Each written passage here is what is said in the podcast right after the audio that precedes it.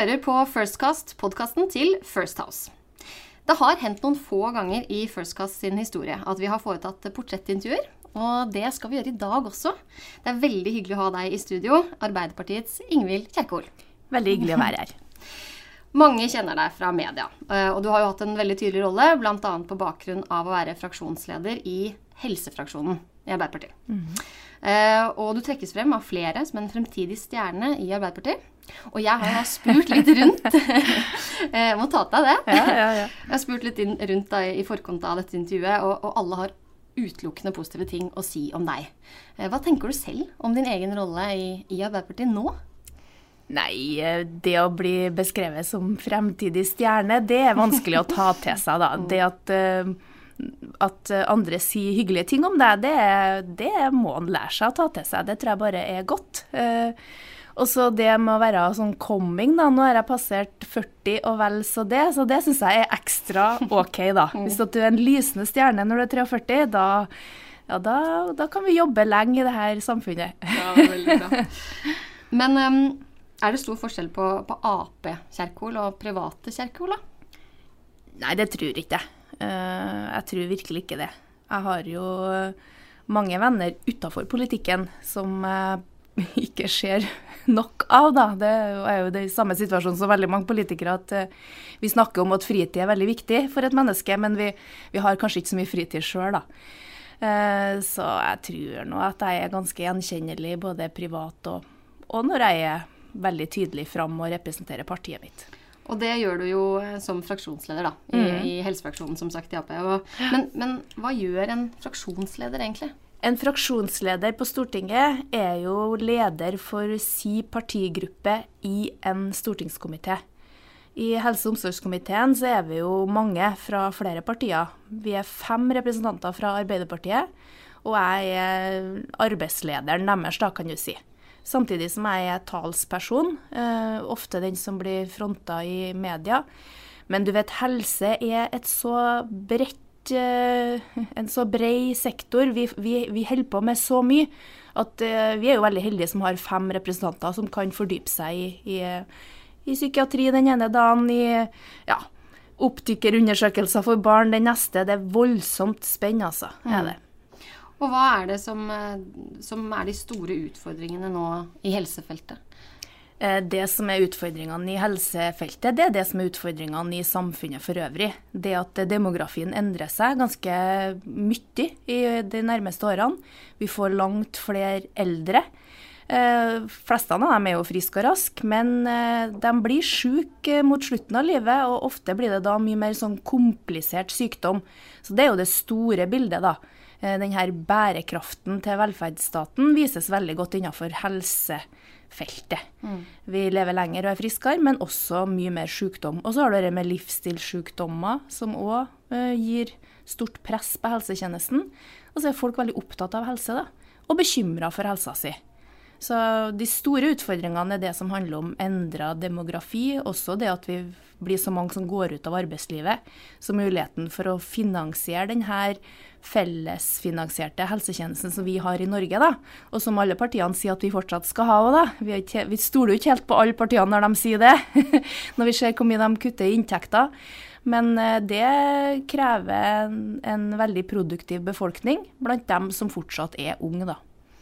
Og dette kom vel til uttrykk i det alternative budsjettet som dere la frem nå nettopp? Absolutt. Eh, I Arbeiderpartiet sitt alternative budsjett som ble lagt frem i går, så vil eh, vanlige folk eh, merke at det å stå i jobb, det skal lønne seg. Det å være minstepensjonist skal bli litt lettere. Og det at vi også gjør veldig aktive grep for at flere skal være yrkesaktiv. For det er jo òg en stor utfordring at vi har så mange av denne da unge, produktive delen av befolkningen som da dessverre ikke står i jobb, men eh, på andre ytelser. Det, det er jo en stor utfordring. Det har vært en veldig interessant og nervepirrende eh, politisk høst, uansett hvor du står på det politiske eller i den politiske aksen. Ja. Og du sitter både i sentralstyret og i gruppestyret i Ap. Mm. Eh, hvordan ser ledelsen i partiet på denne perioden dere nå har vært gjennom? Jeg tror de ser lysere på det nå. Mm. Det er ikke noe tvil om at det har vært en prøvelse for oss som parti. Men nå går vi opp på målingene. Vi får en avklaring i Stortinget med at KrF har valgt blå side. Det gjør at forskjellene kommer tydeligere fram, og det blir egentlig mer forutsigbart å være Arbeiderpartiet også. Vi har jo fått masse flertall sammen med KrF i det året som har gått. Eh, flertallsvedtak som absorberes inn i ei Høyre-Frp-Venstre-regjering. Så nå blir ting egentlig ja, jeg tror ledelsen ser framover, ikke bakover. Men man fikk jo litt inntrykk i media at det var en selvfølge at Arbeiderpartiet ville samarbeide med KrF. Var det det, hvis det skulle bli sånn? Eh, vi har jo funnet sammen med KrF i veldig mange viktige saker for Arbeiderpartiet. Eh, særlig det som handler om å begrense adgangen til midlertidige ansettelser, pensjon fra første krone, flere enkeltsaker innenfor mitt felt på, på helse. Sånn at eh, vi var i en prosess hvor vi hadde mye felles og, og samarbeidet godt.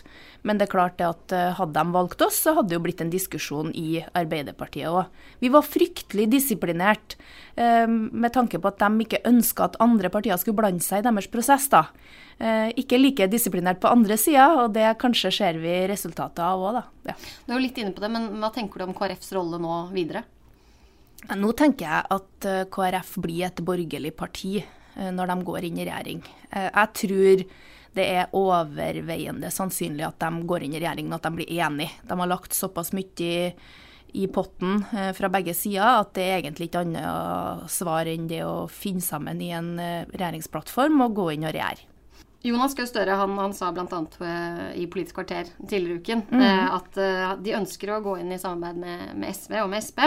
Ja. Um, men, men, ta oss litt gjennom den kortsiktige strategien nå fremover for dere. Eh, det må ligge mer i det enn å bare samarbeide med de. Ja, Nå har vi jo nettopp lansert et alternativt eh, budsjett, og det er jo flere forslag her som vi mener kommer til å også bli vurdert inn i de pågående regjeringsforhandlingene. Én eh, ting er at Arbeiderpartiet vi ønsker å vinne valg og styre landet. Vi føler egentlig at det ligger i vår DNA, som er den, den gamle forkortelsen til Arbeiderpartiet.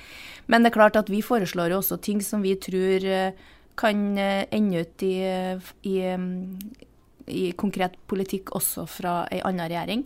Vi har bl.a. foreslått eh, et stort løft for å sikre fastlegeordninga. Det er jo innenfor mitt felt. Vi har jo den ordninga i dag at alle innbyggerne får sin egen fastlege, som skal følge deg over et, eh, ja, over et langt liv, forhåpentligvis. Det er en ordning som har tjent oss veldig godt, men den knaker i sammenføyningene. Den er underfinansiert, og den er ikke attraktiv nok for unge leger. Vi har et ganske kraftig forslag i vårt alternative budsjett der på 500 nye såkalte allmennleger i spesialisering, som vi tror at både KrF og, og Høyre og Venstre og Frp kommer til å, å merke seg når de forhandler om sitt budsjett.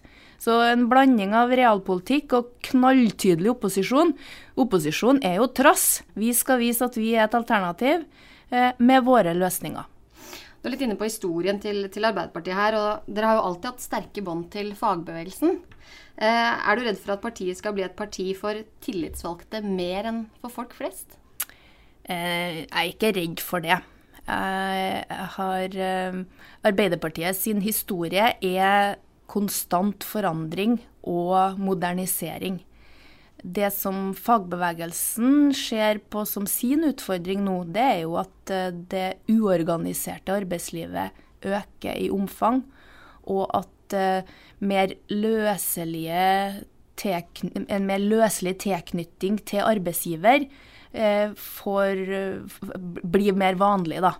Det ser jeg at LO har eh, prøvd å fornye seg med det å, å organisere frilansere. Eh, at folk ønsker å ha en annen eh, tilkobling til en oppdragsgiver, mer, mer med en sånn næringsmodell. Men det å få opp organisasjonsgraden tror jeg er noe LO og forbundene fokuserer tungt på i tida framover. Og det er jo viktig for den norske samfunnsmodellen. Det tror jeg enhver statsminister i Norge vil si. Og så vil man ikke kanskje være like opptatt av det hver dag, avhengig av hvem som styrer. Jeg mener jo at det er forskjell på oss og høyrepartiene i de spørsmålene. Så vi er jo et eh, parti for arbeidstakere, men også for bedriftseiere. Det vil jeg absolutt mene. Eh, det er jo en litt sånn forflatning i den politiske debatten. Vi har også politikk for eh, den store, tradisjonelle industrien, som har vært liksom forhistoriens eh, klare avtrykk, men også for det fremtidige næringslivet med mindre bedrifter som kan vokse, men som ofte ikke gjør det, tar spranget. Det er en utfordring vi har. En debatt som har nådd folk flest, og hvor dere har vært veldig tydelige, og som jeg vet du skal nå straks, når jeg ser på klokka, mm. til TV 2 og snakke mer om, så er det, så er det abortsaken som har eh, herjet nå. Jeg mener vi har en abortlov som har tjent oss vel. Eh, og den har vi hatt i 40 år. Den har gitt norske kvinner trygghet for det å kunne bestemme over egne liv.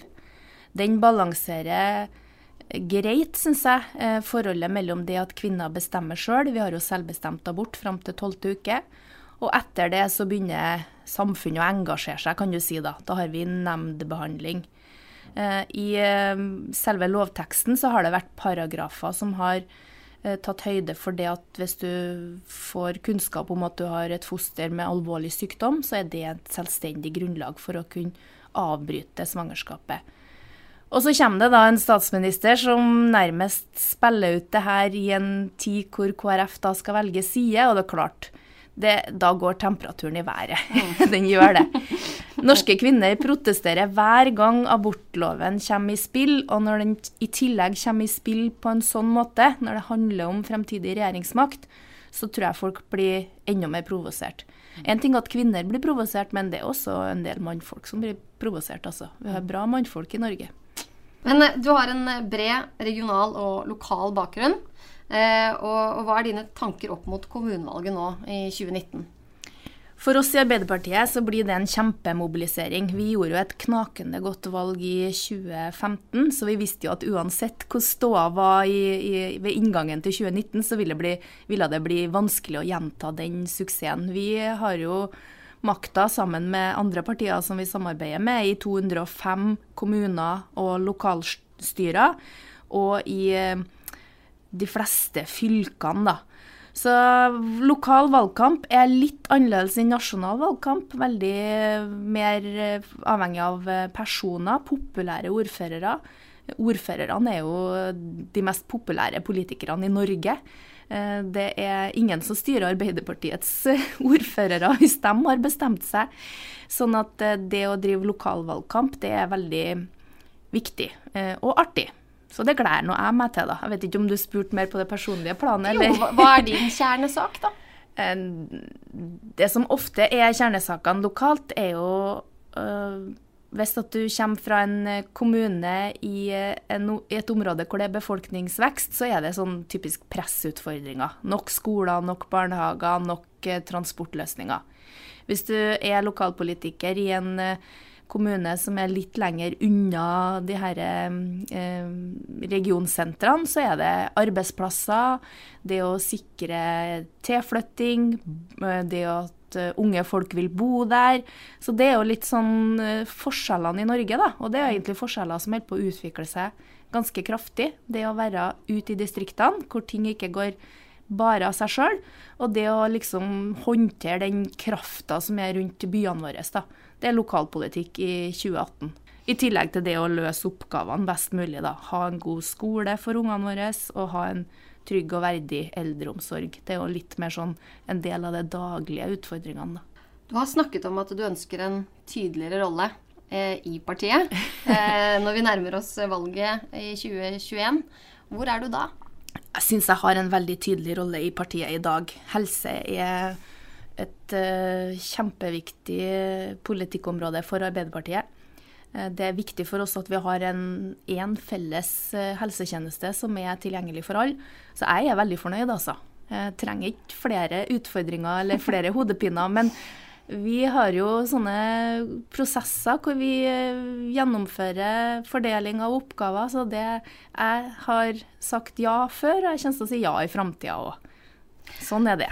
Det er i hvert fall mange som gleder seg til å se hvor du er i 2021. Eh, tusen takk for at du hadde lyst til å være her i dag. Tusen takk for at dere hører på oss der hjemme. Mitt navn er Iven Oppsal. Vi høres!